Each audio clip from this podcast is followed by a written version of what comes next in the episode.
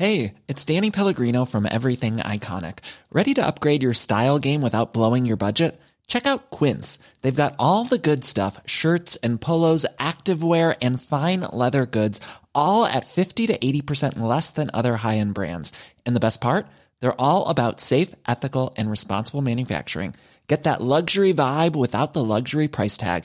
Hit up quince.com slash upgrade for free shipping and 365 day returns on your next order. That's quince.com slash upgrade.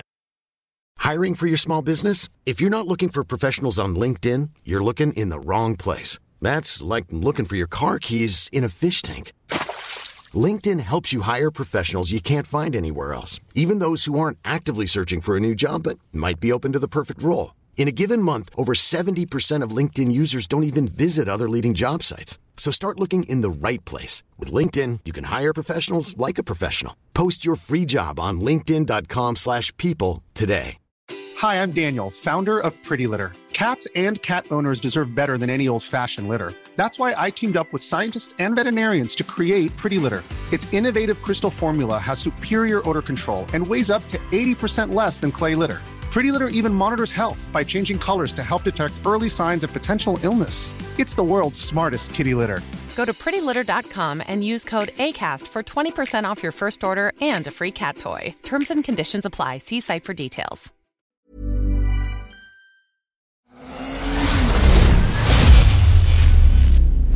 MC-podden. Du lyssnar på MC-podden. Jag heter Johan Ahlberg. Och jag heter Mikael Samuelsson.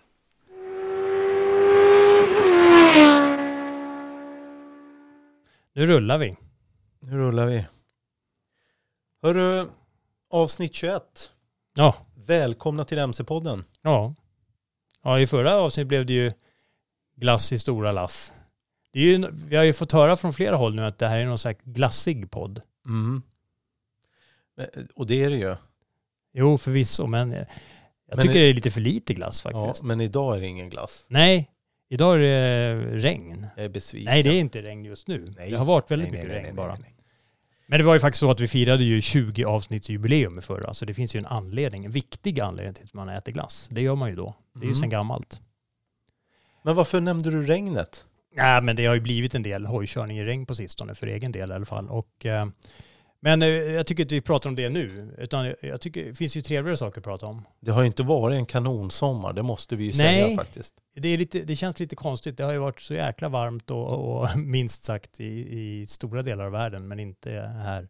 Nej. Eh, Men eh, jag tänker ändå att ibland är det ju saker som händer som, där det är liksom tur med vädret. Och för närmare två veckor sedan ungefär, eh, egentligen man kan säga så här, i sedvanlig ordning, tredje lördagen i augusti, bara för att förtydliga lite, det är viktigt att komma ihåg, tredje lördagen i augusti varje år så körs gigantiska mc-träffs rundturen, kortegekörningen mellan runt. Och, och det gjorde den ju nu också. Den. Ehm, ja. och, men då slapp ju deltagarna regn. Då var vädret faktiskt helt okej. Ehm, det bjöds till och med på en del sol. Och, ehm, och intresset var ju stort. Jag tror det fanns ett uppbunkrat behov eh, av att hitta på något kul. Liksom, Mm. ihop. Ka- Kan, kan, ja, precis. Kanske att eh, åka tillsammans. Ja. Och sen så gå runt där och snacka med varandra. Mm. Men det, enligt arrangören så var det ju cirka 18 000 deltagare ja. i år. Ja. Nu, nu vet inte jag om det har varit någon rekordår eh, tidigare.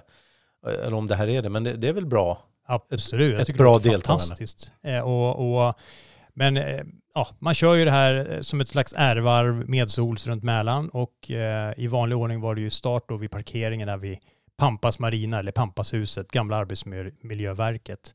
Och sen var det ju, för de flesta i alla fall ska man vara ärlig och säga, så är det ju kortegekörning som gäller. Förbi Södertälje, Strängnäs, där Sulas MC bjöd på lite hojmingel och, och jag vet, det, det bjöds även på Supermoto. Vi pratade ju om det här lite innan i tidigare avsnitt Mm på Strängnäs motorstadion. Och eh, ja, de hade ju fixat med eh, utrustning och sådär så, och, och hojar och sånt. Så det var, ju- det var ju en kul nyhet. Ja, och sen så bjöds det på fri entré till Munktellmuseet i Eskilstuna och, och lite sånt där eh, tillställningar på MC Collection, alltså MC-museet på Tidö slott. Och inte minst, sedvanlig ordning också, så var ju Struls MC i Västerås bjöd på sin traditionella mellanruntfest med musik och ståhej och stim och stoj och mat och dryck. Eh, men inte minst så var det ju den officiella målgången var helt som vanligt eh, hos eh, motorcykelentusiasterna, eller MC eh, som, eh, i Jakobsberg, där de rockade loss hela natten lång. Så att, Alla, Där- alla hardcore de kör ju hela varvet. ja. Men det roliga var att där var ju även eh, en eh, tidigare MC-podden-gäst på plats, Lars Klingsbo från eh, Easer. Jag vet inte, du kommer ihåg? Jajamän, det Ja. var ju de som förser Afrika med deras MC-ambulanser Mm, precis. för havande kvinnor va? Ja. Mm. Så att det, det är en Det fantastisk insats han gör. Och eh, han var där och visade upp sin, eh, sin vagn som de använder som de helt enkelt kopplar, ja, ser ut som en eh, solstol på hjul egentligen. Lite, Ja. lite förenklat kan man säga. Men Men det var ingen gravid med nu? det vet jag inte.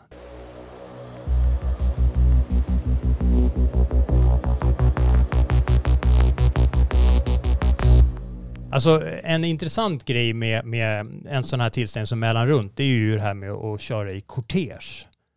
Och det, det är ju lite sån där grej som jag vet, Ja, det är en konst. det är en konst. Ja, att och- göra och det, det- och- snyggt och säkert. Liksom. Och det finns ju ett speciellt sätt enligt många. Ja.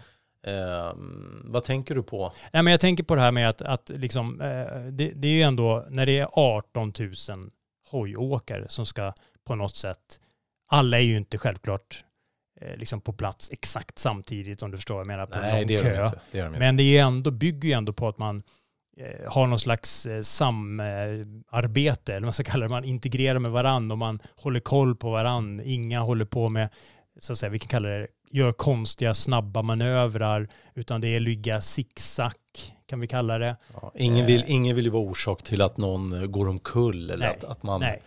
att man hakar i varandra. Det är ju förödande, det Ja. vill man ju inte. Nej men alltså det är ju... Det, är Det ju brukar vara respekt, det går ju långsamt i början. Ja, och sen så sträcker det ut lite mer och sådär. Men man tokkör ju inte om eller gör ju någonting. nej och sen är det det här samarbetet med övrig trafik också kan ju ställa lite saker på sin, sin spets ibland med det kommer lastbilar och det är långtradare och annan, ja, bilar och andra som inte ska vara med i kortegen men som av olika anledningar måste eh, liksom passera på något sätt. Och det brukar ju heta att man inte ska bryta en kortege men det blir ju inte riktigt så i alla lägen. Det funkar ju inte riktigt om det kommer 18 000 hojar på rad liksom. Det, då får man vänta. Då får man vänta. Men det gäller att ha tålamod som motorcyklist. Ja, Och det gäller ju liksom att inte ha bråttom. Det är ju det det handlar om. det är ju inte läge att testa bromsarna mitt i alltihopa. Liksom. Nej, Sådär, nej. Utan, eh, lite sånt. Men det, vi kanske skulle ta ett, eh, jag lovar inget, men det känns som ett sånt där ämne vi ska ta upp och kanske faktiskt eh, prata med någon expert på området om just kortegekörning. Erkänn. Ja, det, det låter intressant. För att jag vet att det här är en eh, het potatis ibland som vissa stör sig på. Om Mm. hur man ska och inte göra. Och Många har åsikter om Ja, det. ja. Hörru, ska vi inte köra ett eh, första klipp i Isahojen i det här avsnittet? Yes, det var faktiskt ett tag sedan. Mm. Vet inte vilket avsnitt det var. Nej, jag har glömt. Jag vet inte, för det var inga hojar där ute på ön senast. Vi var ute i skärgården i förra avsnittet hos dig. Nej, inga öar. Jag vet att... Eh, det inga öar där ute på ön? Sa jag det? Inga öar. Det är faktiskt en ö på ön. ja, det är det. Ja. Helt rätt. Ja. Men, men nej, det är folk som pratar om att de skulle vilja ha tvåhjuligt där ute. Mm. Och jag har sett en och annan tvåhjulig elmoped som en Mm. del ungdomar Inte har. minst du vill ha en. Jag skulle vilja ha det. Mm. Helst en eh, gammal 600 och bara dra runt på. Alltså en eh, offroad. Japp. Ja. Ja. Hörru du, vi kör en gissa hojen då. Varsågoda. Gissa hojen med MC-podden.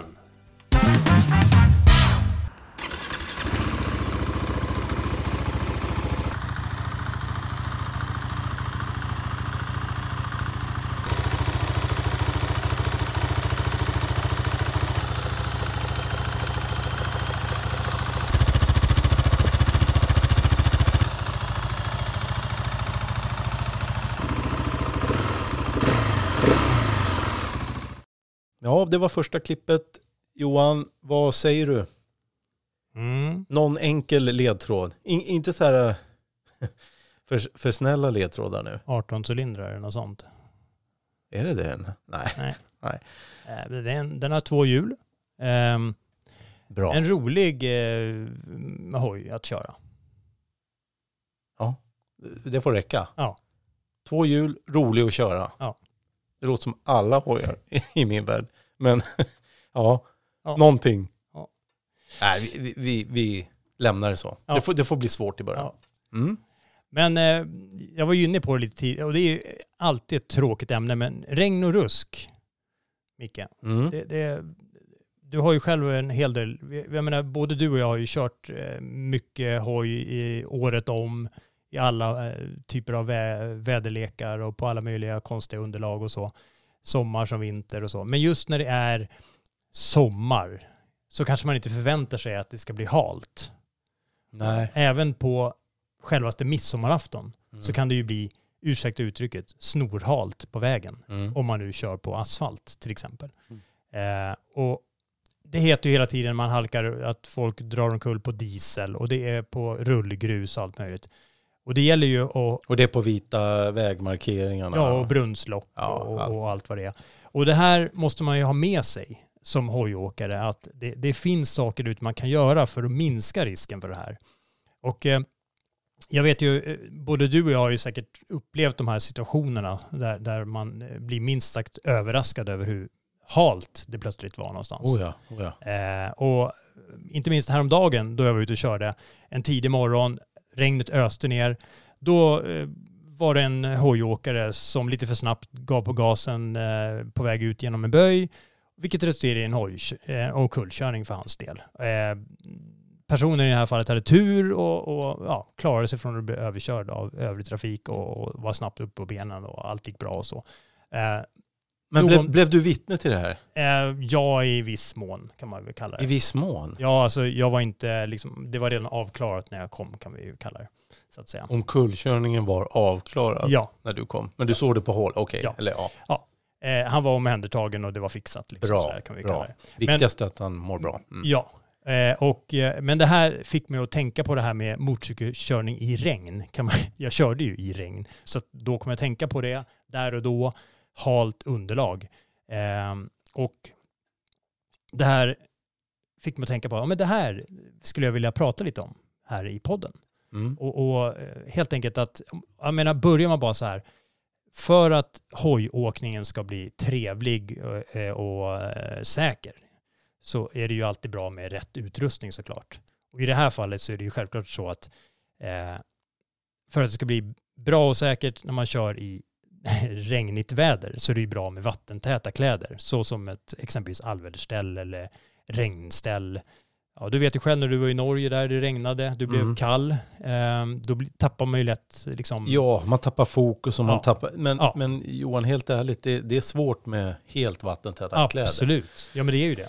Men vi kan väl säga som så att eh, kläder efter vä- väder och är Ja. man ute och kör och är lite osäker så får man väl ta med sig en uppsättning. Mm. Ehm, eller ha i beredskap. För menar, att, att köra till och från så att säga, jobbet eller någonting, det är väl en sak. Men att vara ute en hel dag kanske, eller flera dagar och köra lite halvruggigt väder, och, då, då, då kan det liksom vara det som är skillnaden mellan att hålla sig på hjulen eller köra omkull. Att man helt enkelt tappar fokus som du sa.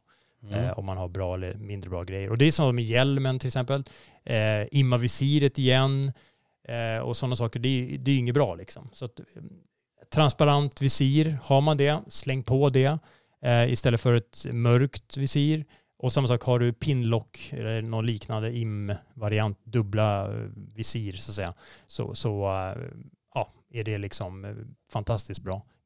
Väldigt bra. Kan du hitta det, få tag på det till din hjälm, smäll dit pinlock.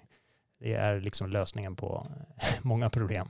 Det är ju svårt det där också, för när regnet kommer och fukten, så här, det, det immar ju igen. Ja, Men det gäller ju att ha god ventilation och eh, ja, Ja. så får man ju tänka på det. Får Men- inte andas som en... eh, Men Micke, du får gärna fylla i lite här. Men eh, efter många års erfarenhet av hojkörning eh, på alla möjliga, på vägar och banor och allt möjligt sånt där.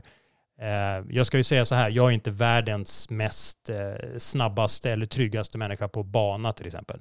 Jag har en tendens att verkligen, jag får kämpa för att liksom, det ska kännas bra när jag kör på bana i regnet. Men vissa förare älskar ju att köra i regn. Eh, och, eh, men det gäller ju att man slappnar av. fortsätter att liksom känna sig, vi kan kalla det mjuk. Att man släpper det här krampaktiga taget kring styret och, eh, ja, och hela den, den grejen. Det gäller ju egentligen alltid när man kör hoj. Och som vanligt, lyfta blicken och allt det här, liksom kör aktivt, håll koll. Jag brukar säga lite grann att man ska vara som en radarstation när man kör. Alltså hela Mm. tiden, alltså verkligen se framåt, bakåt, höger, Ja, vänster. du menar så. Okej. Ja. Eh, håll koll efter, ständigt uppsikt efter faror. Och sen samtidigt brukar jag försöka tänka så här, flyktvägar. Det låter som att jag är på flykt här, men du fattar vad jag menar. Alltså, Ja, radarstation och Ja. flykt. Ja, men alltså hålla, håll sig borta från faror helt enkelt. Att man liksom, man ser så här direkt, det där skulle kunna hända. Mm. Och då tänker jag dra dit. Ja, Det där lät ju, men ja, du förstår. Ja, jag, jag Ja. förstår vad du Ja. menar. Eh, men i alla fall, och när, när vägbanan är regnblöt, nu, nu pratar jag asfalt, så eh, ska man ju göra allt man kan för att motorcykeln så att säga, ska framföras mjukt och smidigt. Ja. Allt från gasregleringar till inbromsning, kurvtagning. Eh, helt enkelt inte bara tro att man kan lägga ner hojen så att säga i, i böjen och ge på gas snabbt och, eller göra en tight hård inbromsning med frambromsen precis på väg in i en tight böj och det spöregnar. Det är ingen bra kombo liksom. Nej, och jag kan, jag kan helt ärligt säga att jag har respekt för när det, när det regnar och när Mm. det blir blött. Va? Det, det, det känns inte bekvämt. Nej. Men man, som du säger, man måste hitta det där att slappna av Mm. och så, och så inte kanske liksom tänka det här torra väglaget då att du kan göra precis vad du vill. Du, Mm. du måste tänka till lite. Men det går ju att köra undan om du förstår vad jag menar. Ja. Det, det går ju att hålla en lagom fart. Du behöver inte dra ner på tempot hur mycket be- som helst. behöver ju inte kanske alltid, det, det där är ju upp till var och en att avgöra vad som känns bra och så, men man behöver inte köra i 30 på 110-väg bara för att det regnar. Nej. Normalt Men det här med cirkulationsplatser som du sa, böjar och det här Ja. du blev vittne till eller på Ja. håll liksom. Ja. Ser. Det är ju det som, där, där får man tänka till. Ja. Till exempel som du säger, rondell eller cirkulationsplats, de är ju ständigt och jämt feldoserade Mm. ofta. Mm. Eh, och, och, eh, då Har man liksom- motorstark motorcykel och Ja. drar på, då, drar, Ja. då sticker ju Ja. bakhjulet. Och, och där gäller det till exempel att man kanske faktiskt, det kan kännas lite fånigt, men att man i princip nästan försöker undvika att lägga, alltså luta motorcykeln inåt i kurvan eller i cirkulation- cirkulationsplatsen och istället själv luta lite grann. Att man helt enkelt burkar lite fast motorcykeln håller sig rakt och sådär. Eh, och som vanligt så här hela den här grejen, tänk på eh, kanske öka avståndet till framförvarande fordon och sånt lite extra. Eh, och, och här är det intressant också för att idag, många moderna motorcyklar i alla fall, har ju massa sådana här speciella funktioner för det här. Att köra i regn. Alltså, ja, ja, Man ja. har ju körläge regn. Eh, Och det är ju så här också, om jag kör en ny motorcykel som jag får testköra, mm, så, så mot min privata som inte har några elektroniska hjälpsystem alls, då, då kör jag lite annorlunda. Ja. Man känner sig mer trygg med en sån motorcykel där man har hjälp va? Och. ABS och allting sådär. mm. Men man ska fortfarande ha med i beräkningen att det är längre stoppsträcka Ja, ja, etc. definitivt. Och jag menar ABS-bromsar, eh, lite beroende på modell och sånt, det är ju ingen garanti för att man håller sig på hjulen. Nej, nej, nej. nej. Eh, Utan eh, friktionen eh, finns där och, eller inte. Oavsett eh, motorcykel och däck och, Och- sådär. Så och sen om man skjutsar av passagerare, då är det viktigt också att man har ett eh, samspel med, med passageraren också. Mm. Och, och, och det är ju det där, men, men, men det är ju som vanligt också. Jag tycker liksom passageraren ska sitta tätt bakom. Mm. Och sen så- mysigare så också. Ja, och var, varmare. Mm. Ja, varmare också. Ja. Bra. Nej, men så att det verkligen är inte sådär att man, man, det känns som man har en, eh, en toppbox där bak. som är fullt lastad. Gummiupphängd. Ja, precis. Mm. Och sen är ju så att eh, passageraren måste ju vara med, liksom, med i matchen och, och hjälpa till lite grann. Mm. Det, det är skillnad på passagerare och passagerare, så är det ju. Ja. Vana sådana mot icke vana. Ja. Instruera här, din Micke, passagerare. vi, eh, jag tänker så här, vad tänker du då? Klassiska, jag menar om man tänker så här, korsningar är ju ett sånt exempel på en, eh, vi kan kalla det, det är ju normalt sett en, jag ska inte säga farlig plats, men lite, ja, det är ju en av de platser där det händer saker. Men ska vi vara ärliga så är det det. Ja. Och det, och det sjuka med mig det är ju det att jag, jag har alltid sjuk uppsikt. Mm. Jag, jag blir ju extremt trött när jag kör motorcykel och det är för att jag, jag vill komma hem. Ja. Eh, Jag vill inte skada mig, så Mm. enkelt är det. Men, i korsningar så är det ju som så att det gäller ju liksom bromsberedskap och sen kolla. Ja. Kommer det någon? Ja. Åker någon ut? Folk kan köra mot rött. Ja, Det är ingen garanti för att du har grönt. men då i alla fall så är det ju så att regnet gör ju inte saken bättre. Nej. Utan det här är ju även en klassisk samlingsplats kan vi kalla det för diverse andra faror än fordonen i sig. Alltså vi snackar eh, oljefläckar där bilar har stannat och stått och gått på tomgång. Vi pratar målade linjer som kan bli som is när de är våta. Och, och, ja, och så uppe på det då alla de här ouppmärksamma förarna i andra fordon kanske. Sen kan det ju bli nerskvätt med mötande fordon. Om- Mm. Om det är stora vattensamlingar Mm. så kan det ju bli så också att du kör i någonting och så det, det kan ju ta stopp. Men så det, annars så då- det gäller att söka vägen liksom där det är, där det är lämpligt. Ja. Om, men om man tänker så här då, då, olja, diesel och sen har vi lite löv på det. Men annars då? Vi snackar brunnslock, Ja, vi har ju nämnt allt. ja, kärlagningar och nylagd asfalt brukar vara lite så här. Jag brukar säga, man kan ibland nästan se, se sig själv, höll jag på att säga, i asfalten. Då, då vet man ju att nu är det halt. Mm, Du åker, åker, och, spe, åker och speglar. Nej, nej men det är verkligen är så här, man ser det. i Och sen är det ju så att på motorvägar framför allt och sånt så kan det ju ibland uppstå, inte minst den här sommaren, enorma vattenpölar. Mm. Och då om du kommer väldigt fort, ja då kan det bli lite spännande. Och då gäller det att man har lite is i magen.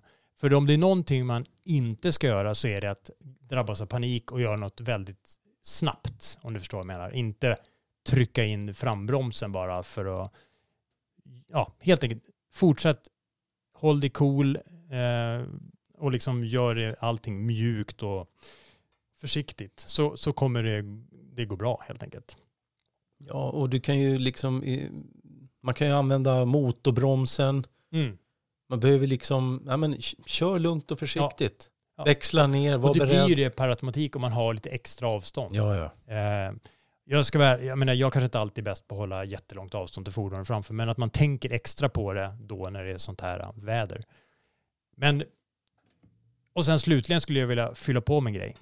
Och det är någonting som jag tänker jämt, mer och mer på av någon konstig anledning. Det kanske är för att man blir äldre och klokare eller något, men det är ju att en bra grej, det är ju eh, att bära alltid på hojen, någonstans, gärna väl synligt, men eh, det är ju första förband.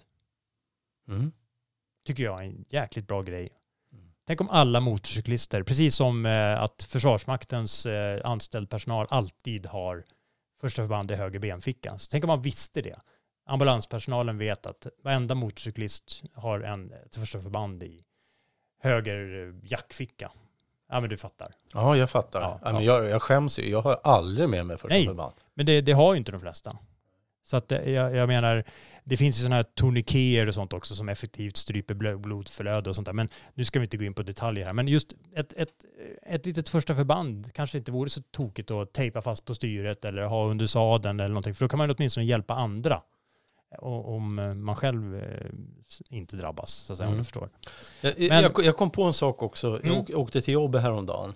Och då var det en motorcyklist framför mig. Jag Mm. åkte bil då. Mm. Jaha. Inte, inte lika... Ja, det regnade. Jaha. Jag sket i hojen. nej, men, men nej. Jag åkte bil, det regnade och då låg det en motor. Han hade verkligen kläder efter väder. Han, jag, jag tror det var en han. Mm. Den, den personen. Mm.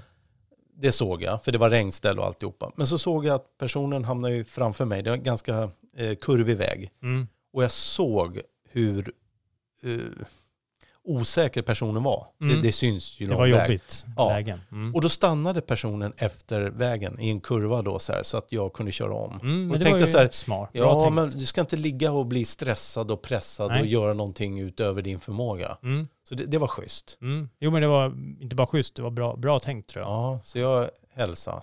Och sen drog jag ner på tempot. Tänkte jag skulle inte locka in i något. Ah, du tänkte så. Nej, ja. Du Men öppnade rutorna sen så det regnade in på dig istället. Så du fick känna lite hoj. mm, så jag Ja. stack ut huvudet och blev blöt i håret. Det här var inte när du åkte till Norge i bil. Alltså det här var ett annat tillfälle. Nej, nej, nej. nej. Det är Det alltså här- flera Det tillfällen. här var du ju nyligen. Ja. ja, men hur som helst. Fler Eh, tillfällen jag har åkt bil. Ja, ja den var bra. Hur som helst. Mm.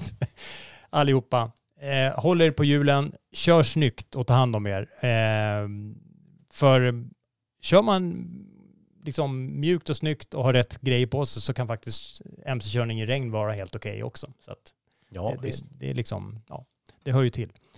Men Micke, när vi ändå är inne på temat, det är ju som det är den här tiden på året. Och eh, under den här ja, sensommaren, hösten så ökar ju risken för viltolyckor.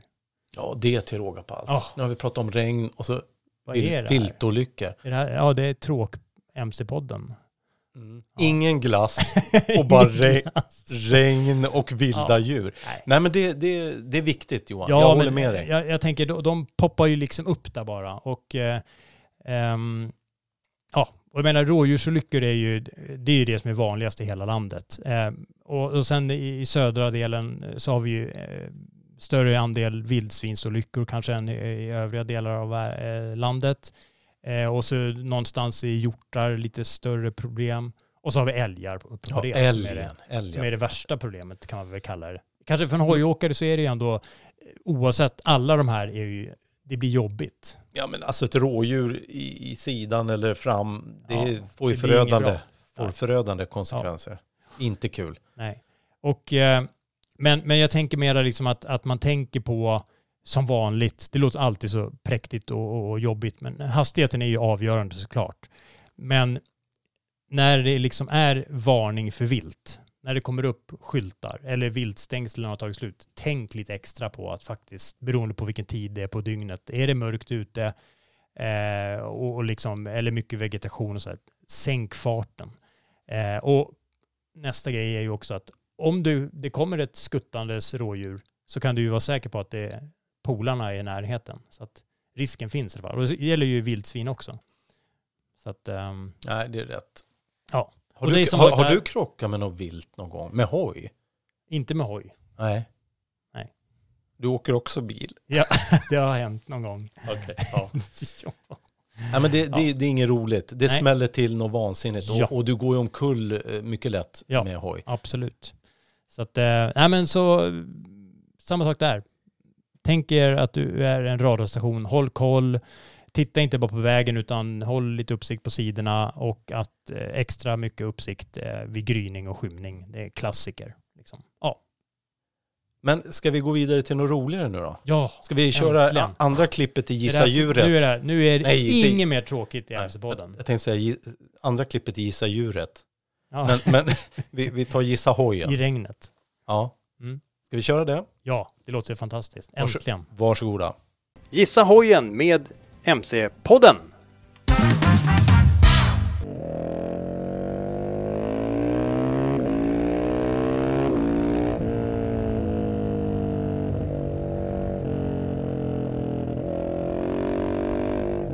Mm. Det var andra klippet. Ja. Nu då? Två hjul, Rolig. rolig att köra Inte, även i regn faktiskt. Men... i, i regn. Ja. Ja. också. För det här är faktiskt en hoj som faktiskt eh, jag själv har haft väldigt roligt med i regn. Jag kommer till det lite senare. Men, ja. Så att det, det finns hopp. Eh, och, ehm, Mera ledtrådar då. mm, det är färre än fyra cylindrar. Det är fler än två takter. Och ehm, mm, Det, det, det är ju ingen liksom, den är inte utvecklad för att främst vara, även fast man kan, det är inte um, jorden runt Touring-maskinen. Okej. Men rolig. Mm. Ja. Det har du sagt. Ja. Nej, vi lämnar det. Ja. Mm. Ska vi... Nu har vi pratat regn och rusk och vi har pratat... Nej men inget mer regn och rusk nu. Nu ska det vara roliga grejer. Exakt. Det händer grejer Micke. Ja. Massa roliga saker händer det. Vad, vad ska vi nämna då? Vad är Ja, värt alltså, att nämna? Vi har ju redan, eh, det händer ju mycket på motorcykel eh, och ja, mc-nyheter i stort, men framförallt motorcyklar. Det kommer ju massa nytt här nu. Det hör ju liksom eh, den här delen av året till lite grann kan man väl kalla det. Och det, det, blir, det eskalerar ju så att säga. Ofta under hösten och så, så börjar det presenteras väldigt mycket nya modeller. Och vi har, redan, vi har ju redan pratat om att KTM har sin nya 1390 Super Duke på gång och BMWs nya R1300 GS kommer att presenteras eh, 28 september vet jag. Och Ducati har vi pratat om, deras monster där, special Mm. och lite sånt där. Men vet du, jag såg en intressant sak och det var ju Mm. det här med Suzuki då. Ja, Som ska införa någon VVT-teknik. ja vad handlar det om Johan? där, Ja, vad handlar det om? Ja, jo men det är ju deras supersnabba hypersnabba Hayabusa. Den, den, alltså, den, Den, får ju den upp... har vi haft i Gisahojen. Ja, det har vi faktiskt. Ja, just det. Ja, Just det. Mm. Jo, jag, jag var inne och körde den när Mm. första versionen kom. Men vad innebär VVT då? Jo, det här är ju liksom variabel ventil, ett variabelt ventilsystem helt enkelt. Som helt enkelt eh, kan ändra tid och lyft av motorns insugs och avgasventil. Alltså tajmingen kan man ju kalla det och så. Och det gör att man, alltså det gör det möjligt att anpassa motorn för leverera specifika egenskaper vid liksom, ja, särskilda motorvarvtal och sånt. Ja, helt enkelt för att förbättra vid och eh, vid olika lägen, till exempel vid, på mellanregistret eller öka toppeffekten eller, eller effekten i ett visst, en viss del av varvtalsregistret och så. Mhm. Ja. Och, och sen inte minst så kanske viktigast eh, med tanke på, eller ja det beror på vem du är. Men det är ju så att det här blir en kombo. För samtidigt som man kan då, det kan generera mer kraft, motorstyrka, Mhm. mera vrid, mera. Effektivitet. Ja, så kan man även minska utsläpp av oförbrända kolväten. Så att det blir en, eh, för den som vill ha kul samtidigt som det blir lite miljövänligare, så kan vi ju kalla det. Det det här, här- det här låter ju det låter trevligt. Ja, alltså det är ju ingen ny teknik för Suzuki. De har ju använt det här hos sina bilar Mhm. ett antal år och så. Och sen nu på senare tid har man ju haft det hos GSXR 1000 har man ju sett det. Så att, men, men i alla fall, och så att det, här är ju någonting eh, som är, är, är, och man tror ju nu att eh, man gissar lite grann så här, så, så tänker vi, ja, om man tänker att eh, dagens Hayabusa har ju ungefär 187 hästkrafter på topp. Här snackar vi någonstans kring 200.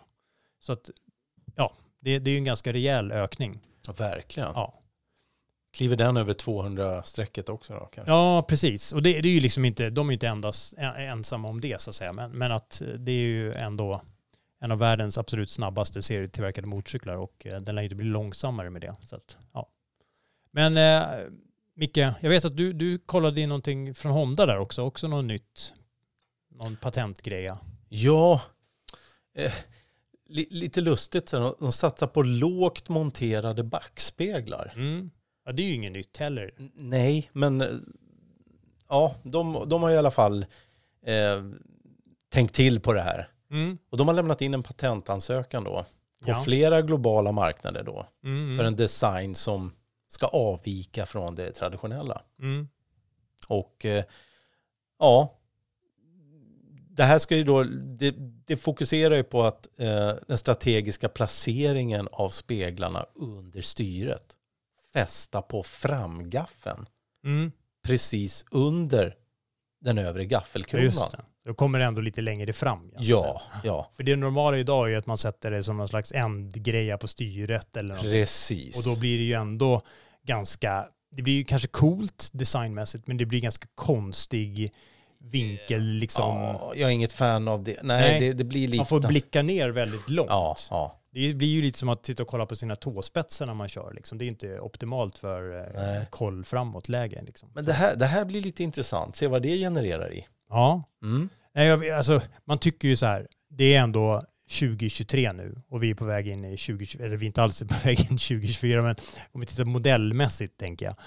Och då kan man ju tänka så här att, ja men, är det inte läge nu även på hojar med, med kameror? Alltså digital, att man helt enkelt skulle kunna tänka sig att det, man sitter och man ser någon slags digital variant där istället. Är vi där verkligen? Nej, men jag ska vara ärlig och säga att det är ju så himla komplext. Så jag tänker allt som kan gå fel. Till exempel, lek med tanken, just det vi inte vill prata om, men som ändå händer ibland, regn. Och så sitter en kamera bak på hojen. Mm. Lek med tanken, jag har ingen aning här nu om hur de tänker kring det här, men säg baklyset, säger vi. Och så blir det regn som kommer upp och smetar till den där och det blir skit på linsen. Mm. Jaha. Eh, Då, är man ju, så då har man ju ingen koll bakåt överhuvudtaget. Om du måste fixa till backspeglarna som de normalt sett sitter så kan du ändå åtgärda det. Mm. Ja, ja, ja. Så att säga. Ja, lite sånt. Men det, alltså det där finns säkert massa eh, siande om och sånt där. Men det är nog helt annat. Men jag fattar det som att då, då du vet, jag vet inte om du kommer ihåg det, men de har ju släppt en, en det var ju först en konceptmodell och sen har de ju presenterat en, en kaféracermodell som heter Hawk, Hawk 11, som endast finns i Japan. Eh, och den, hos den så har man ju monterat eh, speglarna, liksom, fast de sitter mer på kåpan på ett speciellt sätt. Men det, det är ju lite så, eh, vad ska man säga, de har gjort det lite så som jag kan tänka mig att det kommer bli i det här fallet. Okej. Fast, Ja. fast det sitter ändå på kåpan, men Mm. ändå inte det här traditionella, om ni tänker på kåpan där det sticker ut långt. För tanken här är ju också att man ska få in speglarna ganska långt, vilket gör att vind och sånt kommer inte att påverka liksom att vara på. De tänker ju liksom att om du har en traditionell placering med backspeglar Nej, men jag och- fattar. Det, det blir ju en död punkt bakom backspegeln. Ja, Även om det är ganska lite. Ja. Så blir det ju så här, två backspeglar, då har du ju lite så här. Så, Ja. så i det här fallet då så, ja men du eliminerar ju då de här blockerade vyerna Mm. där de där traditionella sitter. ja. Ja, ja. Ja, men så, så nu, ma, ma, jag ska säga så här, det, kom, det, det finns ju, det har ju redan visats upp lite bilder och sånt på, på, på um, en modell, till, en efterföljare till CB1000R, alltså en naken sån här snygg eh, hoj som Honda har. Att, att där tror man, där, den hojen ehm, kommer ju då sannolikt få eh, chassi och motor till viss del ifrån CBR 1000RR, alltså sporthojens, eh, alltså sporthojen som är riktigt cool och vass. Eh, och den i det här, eh, tillsammans med CB1000R då, då, kommer få de här grejer därifrån. Det kommer bli en riktigt högpresterande maskin eh, som då man tror att kommer förses med den här nya spegel, eh, spegelkonceptet. Okej, det. Ja. okej. Ja, vi får se Det då. blev lite förvirrat där kanske, men, men jag hoppas ni förstår. Ehm, Nej, men den, den, den kommer få det där kanske på något Ja. sätt. Ja, vi Ja, får se. enkelt beskrivet är det väl egentligen att backspeglarna sitter liksom monterade direkt på gaffelbenen. Ja, på en liten arm därifrån. Så, Mm. ja. Man undrar hur det blir med så här gummiupphängning och grejer. Det känns som att det skulle kunna finnas massa... Fast fördelen där är ju att det sitter ju på gaffelben. Och kanske blir, man kanske faktiskt får bort massa Ja, motorvibrationer. de har nog Ja. tänkt på det där. Ja, säga. det finns risk att japanerna har gjort det där borta hos Honda. Mm. Risk, chans heter det då. Chans heter det. ja. Mm, positivt. Självklart, självklart. Det är jättepositivt det här. Jag tycker det är jättekul. Hörru, ska vi gå vidare till Can-Am då? Mm. Vad har de eh, på G? Ja, alltså, De har lite nya modeller va? jag vet inte. De flesta som tänker Can-Am, det var ju länge sedan de hade något tvåhjuligt Mm. i sitt modellprogram. Mm. De har ju haft de här Spider, de här trehjuliga hojarna. Exakt. Ehm, och, men nu har de ju eldrivet på gång. Häftigt. Mm. Origin och Pulse. Och eh, jag vet, det har ju kommit ut, de har faktiskt publicerat, så ni som lyssnar kan ju eh, tipsa er om. Eh, YouTube, sök på Can-Am, C-A-N-A-M, så hittar ni deras nya elhojar. Och det är alltså, det är ju BRP, en av giganterna inom fordonsindustrin.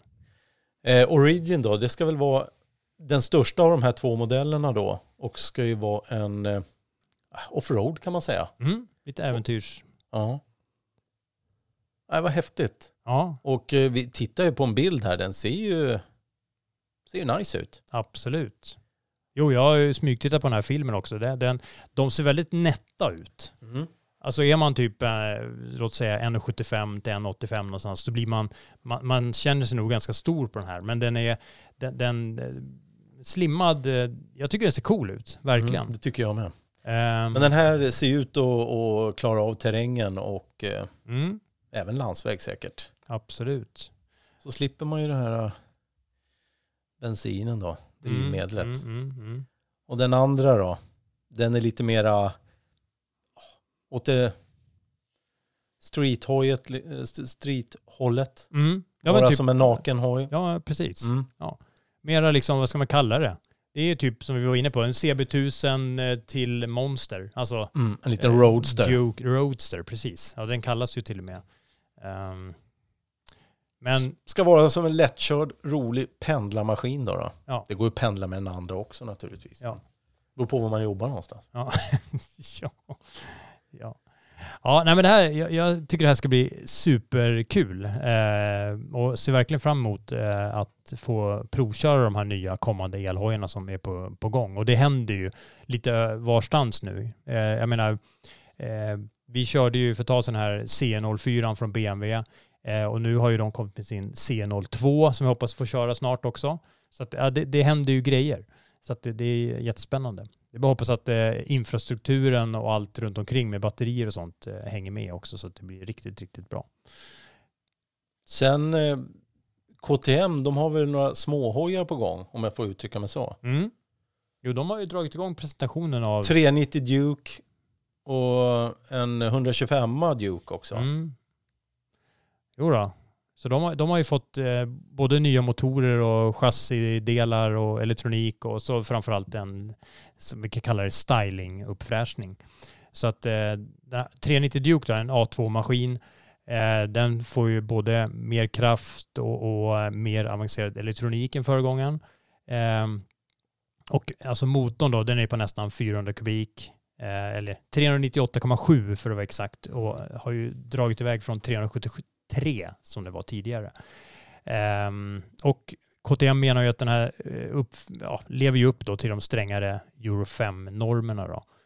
Um, och toppeffekten anges nu ligga på 44,4 hästkrafter vid 8500 varv och ett maximalt vridmoment på 39 newtonmeter vid 7000 varv. Så att um, Ja, men det är lite sånt där annat. Sen är det en omdesignad bränsletank i metall. I metall? Ja, Okej. så att, eh, ehm, det har ju gått mycket så här att man har gått mer och mer mot plast och, och sådana saker. Eh, ja, vad är sådana saker? vad finns det annars? Bambu. Ehm, eh, nej men så att... Eh, Men och- den, den, den ser vass ut den här. Ja, Den den, är den, är, den följer ju verkligen i eh, 1290, alltså största syskonet i, i Duke-familjens eh, liksom designspråk kan man kalla det. Det är ju en fackverksram av stål och bakram i aluminium. Eh, och, Och det ska förbättra då styvheten eller vad då? ja, bättre precis. Ja. Ja. Och sen, sen så svingarmen är ny och eh, den liksom tidigare lite mer raka designen har ju nu fått by, har bytts ut då mot en ny svingarm som sagt med, med lite mer böjd look. Eh, och som tillsammans med en reviderad, alltså en uppdaterad bakre stötdämpare sitter lite mer till höger. Så den är inte helt, eh, den sitter alltså inte i mitten inne i själva hela huset där utan den sitter på höger sida. Eh, helt enkelt vid sidan om eh, eh, högerbenet kan man säga.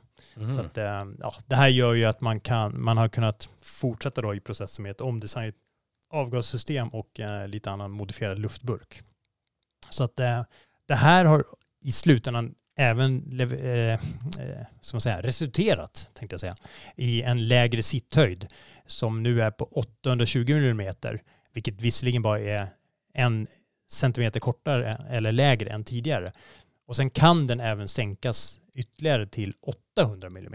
Så det här är ju jätte, jättebra. Och sen, eh, ja, de är ju duktiga på elektronik. Mm. Och det börjar ju liksom... Det blir ju kurvtagnings ABS, traction control och flera körlägen. Mm. Och så, som grädden på moset, en inställning för regn. Ja, Såklart. men det var som vi sa, det, det är inte för att det ska börja regna som man trycker på den. Det är om det börjar regna. Mm. Det, ja, det är ingen regnknapp. Nej. Och den trycker man ju aldrig på.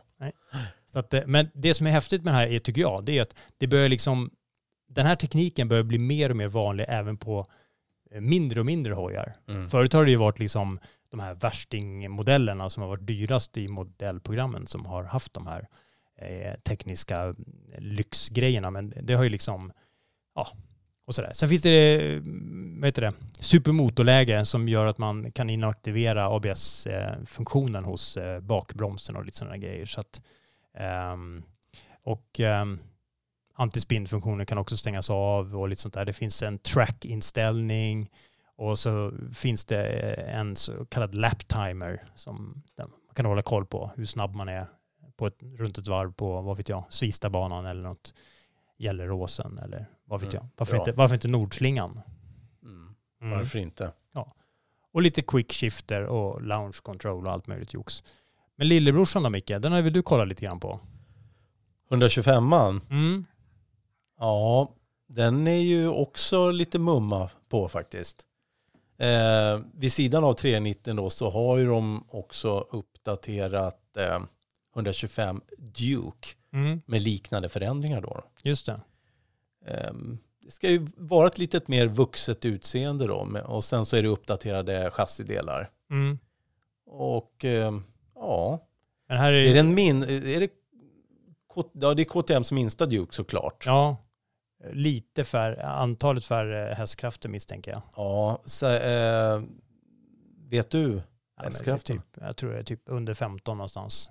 Det får inte vara mer. 14,8 ja. Ja, ja, Just okej. det. Ja, jag såg det här. Mm. Förlåt. Eh, nej, men eh, lite häftigt faktiskt. Mm. Och sen så har den ju uppdaterad eh, LED-strålkastare Mm. då. Men den har ABS också. Mm. Supermoto ABS. Men den har ingen kurv-ABS. Så att, eh, Nej.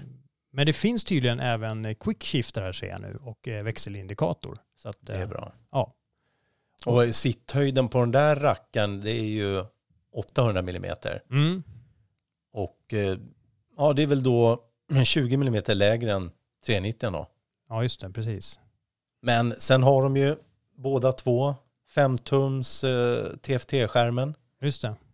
Det är uppdaterade reglage och mobilanslutningar som i 390. Mm.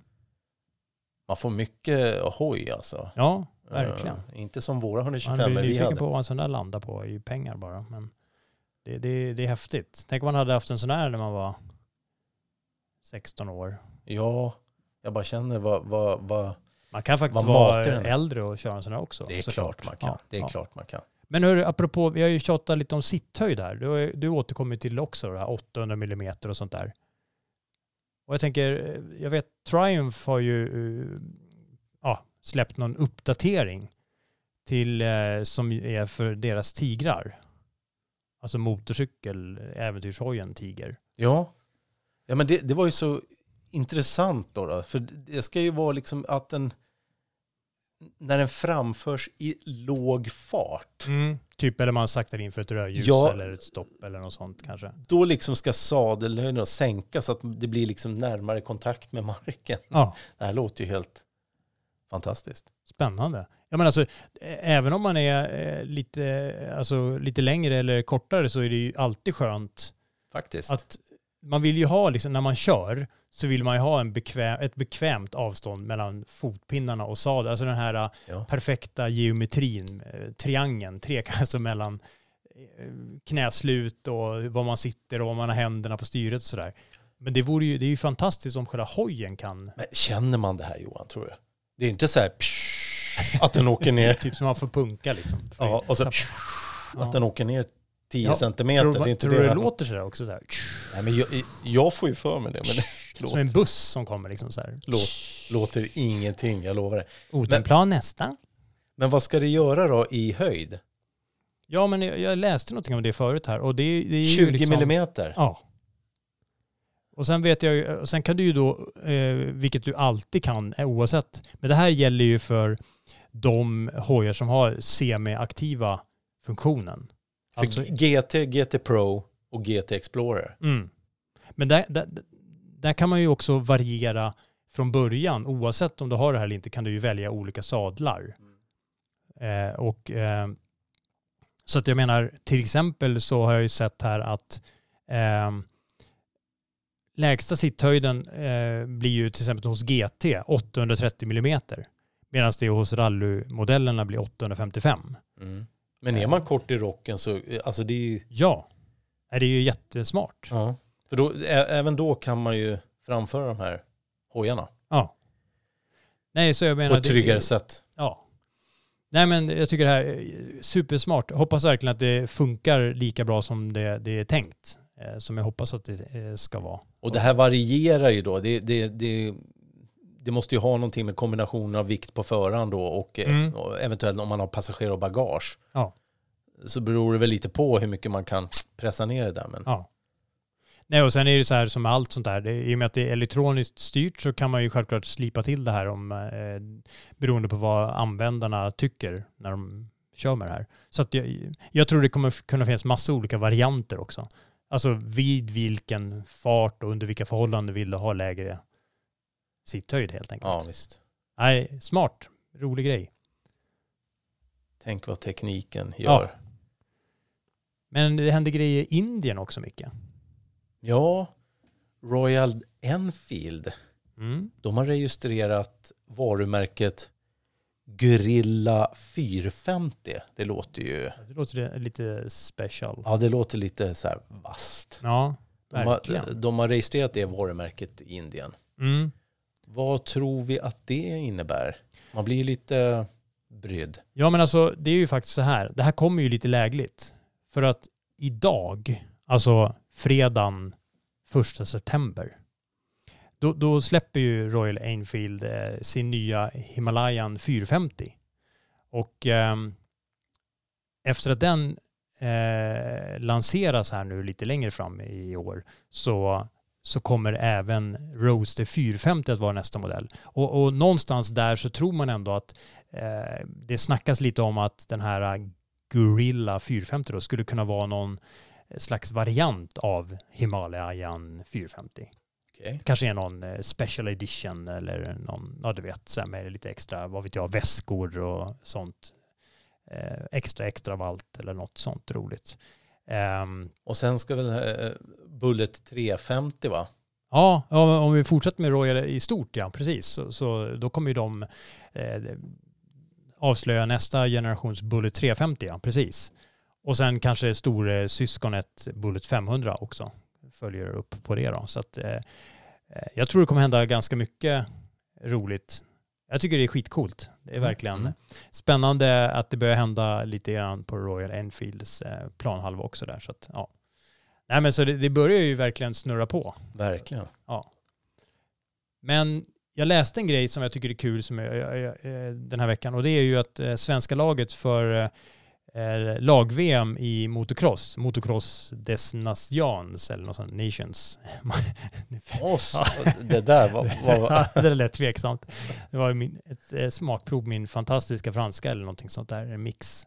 Eh, nej men förbundskaptenen Jonas Wing och förbundscoachen Filip Turesson, så, de har tagit ut eh, förarna till, som ska representera Team Sweden vid lag-VM i motocross eh, i Frankrike.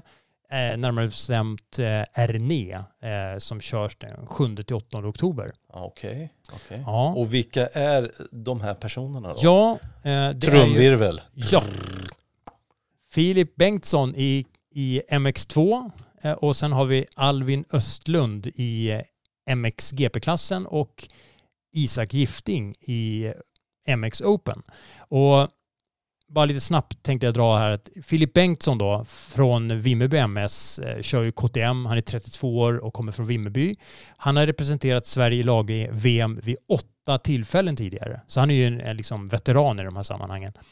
Första gången var redan 2010 och senast eh, var det 2019.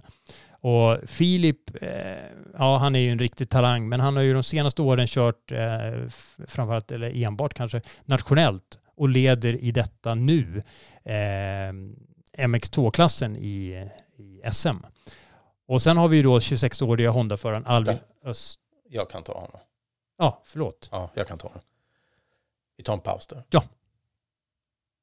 Och sen har vi den 26-årige Honda-föraren då, Alvin Östlund från Hallstahammar. Han kör ju för Voxnadalens MK. Han har representerat Sverige vid lag-VM vid sju tillfällen tidigare. Och han gjorde ju sin debut då i lag-VM 2015. Kördes ju på, på samma ställe då, Johan, eller hur? Mm, just det. Ja. Och han tävlar då som vi sa i MXGP-VM och har gjort en bra säsong med en tionde placering som bäst i år. Han har under de senaste åren då kört VM för olika team. Så han har ju onekligen också rätt mycket rutin va? Ja, det, det, det känns liksom som att vi har en samlad rutin här i både coachdelen och sen bland förarna. Och sen avslutningsvis så har vi en riktigt giftig förare. Ja. Coolt efternamn. Ja, Isak Gifting. precis. SMK Dala Falun. Mm. Kör gasgas. 23 år. Ja, Mm. från Grycksbo. Och eh, ja, Micke, han, han gjorde ju sitt första lag-VM 2021 först i Italien. Ja. Men då var han ju med i toppen i MX2-klassen. Men ja, sen, Han deltog inte under 2022 på grund av någon knäskada. ja, precis. Han har ju varit lite skadad där nu. Ja. Så att, eh, Ja. Men eh, Isak kör för eh, ett franskt team i årets MX2-VM. Och eh, där, vanligtvis är han väl en av topp 5-10-förarna. mm, precis, han brukar ligga där någonstans. Ja. Att, eh, jag tror att han ligger där någonstans nu i, i tabellen också. Det är nionde, tionde plats eller någonting. Jag, jag minns inte riktigt exakt om jag ska vara ärlig. Men, men han är ju liksom, när han får till det, då är han ju uppe på pallen. Alltså, så att det, det, han, är, han är riktigt vass just nu. Så Vilket, att, vilket team. ja, ja, men det, här, Ja. det, det känns faktiskt eh, väldigt bra. Så att jag, hoppas, eh, men eh, det är ju extremt tuff konkurrens. Så att, ja, jag kände bara att det var läge att prata lite om det, för det kändes som en kul grej. Och eh, med mycket trumvirvel igen kanske, men det är ju Den var, den var, gissa hojen. den var svag den där trumvirveln. Den var Ja. lite för... Mm. Eh, ja, gissa hojen. Du var lite snål med ledtrådar. Ja, Ska du säga jag något kände mer? det. Ja, Ehm, alltså, spetsa till den här lite. typen av hoj är ju liksom, som jag sa redan, synnerligen rolig, vågar jag påstå. Eh, det är ju inte heller den mest komfortabla typen av motorcykel som man kanske då, som jag sa, eh, liksom får för sig, ja men nu ska jag dra 100 mil i ett sträck på. Däremot så är den ju väldigt allsidig. Man, man kan liksom både köra på grus, asfalt eh, och, och ha väldigt roligt med den. Eh, inte nödvändigtvis med båda hjulen i asfalten samtidigt. Den här hojen har inte jag kört. Mm. Men du har kört den. Ja. Mm. Jo, Eh, vi ska ju köra tredje klippet. ja. Är det någonting mer du vill säga innan? Eller tycker du att du har Nej. tömt ut nu? Nej, men det, är- det är ju det är bara liksom att se till att man eh, behåller horna innanför hjälmen liksom så att säga innan. Ja. Okej, ja. ja. Men då kör vi tredje klipp, Johan. Mm. Varsågoda. Gissa hojen med MC-podden.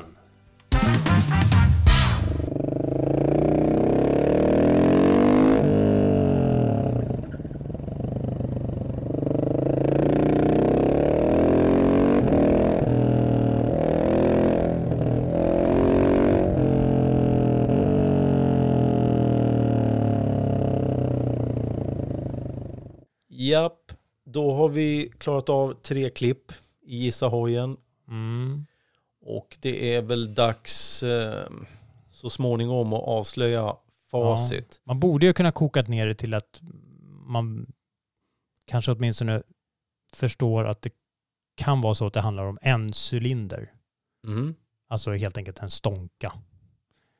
Och ehm, Det tror jag många har listat ut. mm, Tror du det? sen är ju frågan om hur stor. Um, vi snackar en motor. Det, det, det haltar lite, ska jag erkänna. För motorn är i det här fallet på 690 kubik, eller kubikcentimeter för att vara mer korrekt. Den har enkel överliggande kamaxel och eh, dubbla oljepumpar. Men och maxeffekten ligger på 67 hästar och eh, även vridmomentet är samma. Så att, eh, men när den här då presenterades så var det den starkaste serieproducerade stånkan på marknaden. Mhm. Mm. Och ehm, jag redan 2013 så såg jag konceptmodellen av den här modellen och sen då närmare två år senare, närmare bestämt i början av november 2015 var jag på plats i södra Portugal då modellen lanserades. Eh, och ja, det var ju en riktigt skojig provkörning kan jag säga. Trots att det regnade. Något enormt. Eh, ja, det, det regnade fantastiskt mycket. Och det, det som var lite synd var att eh, det var ju både landsvägskörning och så var det ju bankörning. Så det blir, det blir ju väldigt speciellt eh, att liksom testa gränserna. Gränserna flyttas lite i regn. Så att, eh, men vi hade, eller jag hade i alla fall väldigt roligt eh, med den här och eh, hojen eh, jag snackar om är ju Husqvarna 701 Supermoto. Så att vi, vi snackar ju liksom en, en motorcykel alltså som i mångt och mycket ser ut som en motocrosshoj med lysen. Eh, ja, ett rikt, riktigt eh, väger inte så mycket. Vi snackar typ runt 145 kilo. Eh, och ehm, med en eh, sexstegad växellåda eh, och liksom, ja, man bara hoppar på och drar iväg. Och det är tyvärr, eh, ska jag väl erkänna, det, det blir lätt eh, lite pubertalt barnslig körning på sån här hoj. Måste jag väl ändå erkänna. Det är lätt att det, det blir bus. Och eh, under den här provkörningen, det var väl liksom inte något undantag, även fast det stundtals regnade och så. så eh, men alltså, lite kort sådär, eh, förutom då den här motorn med en fantastiskt välfungerande växellåda ihop med en smidig koppling och sådär så är det ju att är ju bromsarna på sådana här maskiner och inte, inte minst i, den här, i det här fallet så är det, det är ju grymma eh, bromsar. Och, ehm, Kan man gissa att det var bromsar från Brembo? Ja, det har Mm. du helt rätt i. Så att det, det sitter ett radiellt monterat fyrkolsok fram från just Brembo och det tillsammans med en 320 mm bromsskiva då ger ju liksom, kan säga, mer än gott om bromsresurser. Så att därför är det ju lika liksom stor risk eller chans att eh, motorcykeln, eh, ja, alltså bakhjulet sticker i skyn som att framhjulet sticker i skyn vid andra tillfällen när man gasar. Så att, eh, men, Men, men, var det någonting med inställningen på ABSen som var något, något, något unikt eller vad, kunde man göra någonting med det? Ja, alltså det finns ju ibland så här supermotorläge och lite sådana grejer, om det var det du tänkte på. Ja, typ. sådana Jag tänkte om det fanns. Ja, jo, men det finns. Eh, för det, det, det är ju liksom, eh, det här var ju liksom på den tiden då det senaste ABS-systemet från Bosch, ett så kallat tvåkanalsystem eh, med just ett supermotorläge och det här var lite Mhm. nytt på den tiden. Okej. Eh, och, och, men Ja, för jag tänkte det, vi pratade ju en tillbakablick liksom. Så Ja. att ja. Precis. Och, och det, det coola är ju, man vill ju ha gott om bromsar. Men det är också väldigt viktigt, om du frågar mig, att man erbjuds liksom en... Inte minst när bromsarna är väldigt effektiva så vill man ju ha en väldigt god fingertoppskänsla som Mm. underlättar att Mm. man kan dosera rätt mängd. Inte minst när det regnar. Eller, liksom, eller när det kommer upp något väldigt, man ska kanske gasa på bana och ska bromsa så sent som möjligt. Då vill man ju liksom att det ska vara den där exakta bromsmängden. Precis så som du vill. Och det ska kännas rätt hela tiden. Att, eh, En, en dum fråga Johan, men Mm. du, du körde ju bana och du körde ju på landsväg också. Mm, mm. men va- va- Vad var den roligast någonstans? Det kanske är... Ah, svår fråga. Alltså, man, man, man, alltså köra på en liten, liten bana med en sån här hoj, det är, alltså, det är så fånigt roligt. Så har man inte prövat det, så uh, gör det. För det, alltså bankörning med motorcykel, man slipper ju liksom ta hänsyn till massa saker förutom eh, medkörande, höll jag på att säga, andra hojåkare som är där och kör. Men bort från, du har ju inga möten, normalt sett inte i alla fall. Eh, och eh, ja, så att man slipper ju liksom, och det, det, brakar man någon kull där så, så kanske det liksom inte finns massa lyktstolpar och massa annat som man kan träffa på under sin färd, så att säga. Du sa ju, nå- jag tyckte du sa vid något eh, så här, när vi skulle eh, ge någon liksom ledtråd, att det Mm. inte var någon touringmaskin direkt. Men, men, men, men att köra så där ute då, Ja. pendla och så där. Jo, jo, men alltså pendla, alltså köra 10 mil och 15 mil eller köra, vad vet jag, Göteborg, Stockholm eller sånt, det, det, det funkar ju såklart. Men om man kör de här sedvanliga... Det är ju inte 10-15 mil. Nej, men du vet, alltså man kör, låt säga att man ska köra 50 mil på en dag, så kan, Ja. ja. men om man gör då de här vanliga tankstoppen, vad vet Mm. jag, efter 15-20 mil och skaka loss rumpan lite grann.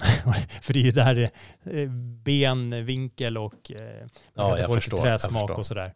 Så, eh, nej men så att, så att hur som helst, det är en väldigt, och, och, eh, men körställningen var liksom, jag är ju 1,83 lång och eh, körställningen var bra liksom. Och det, det eh, jag minns att det, det gick ju att köra liksom avslappnat, både ut, som du var inne på, ute på motväg och, och men även då när man växlar om och kör väldigt aktivt på den här gokartbanan som vi var på.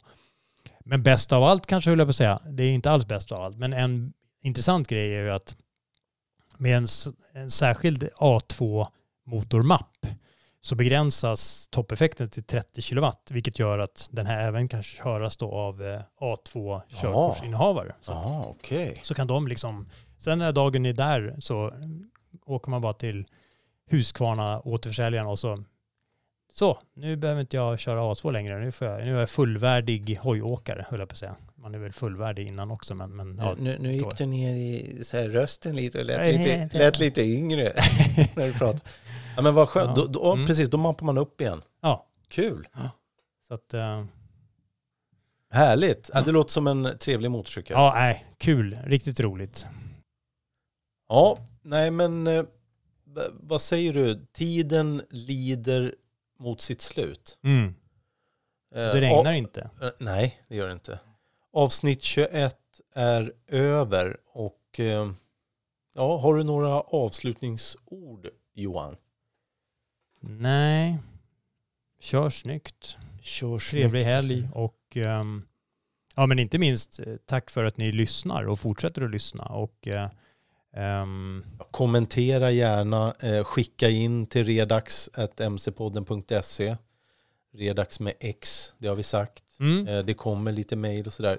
Fortsätt skicka ja. förslag på saker och ting. Ja. Och gå in på Instagram och Facebook snälla. Och, Och det, eh, det, kommentera. vi kan väl säga så här, det har ju varit sommar här nu. Man kan tycka att det hör väl sommaren till att köra motorcykel. Men eh, det kommer ju komma lite eh, provkörningar och lite hojar här i kommande avsnitt här. Så, Vi ger inte upp. nej, Nej, är, hösten är lång. ja, hösten är lång. Det, det var nästan så här, jag tänkte på de här uh, Ewan McGregor och de kör eh, long way round och long way down och hösten är lång. Det lät som en så här filmtitel vi kan ha. Mm. Eller en bok. Ja, Nej, men så det återkommer vi med. tack för oss, eller tack för mig kanske jag ska säga. Du får tala för dig. Ja, tack för mig också. Ja. Och tack för alla, eller tack för att just du lyssnar på MC-podden, du som lyssnar. Mm. Och så hörs vi igen snart. Ja. Ha det så bra allihopa. Hej! Hej.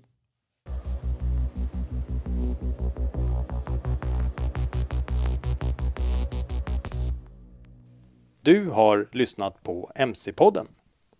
Jag heter Johan Ahlberg. Och jag heter Mikael Samuelsson.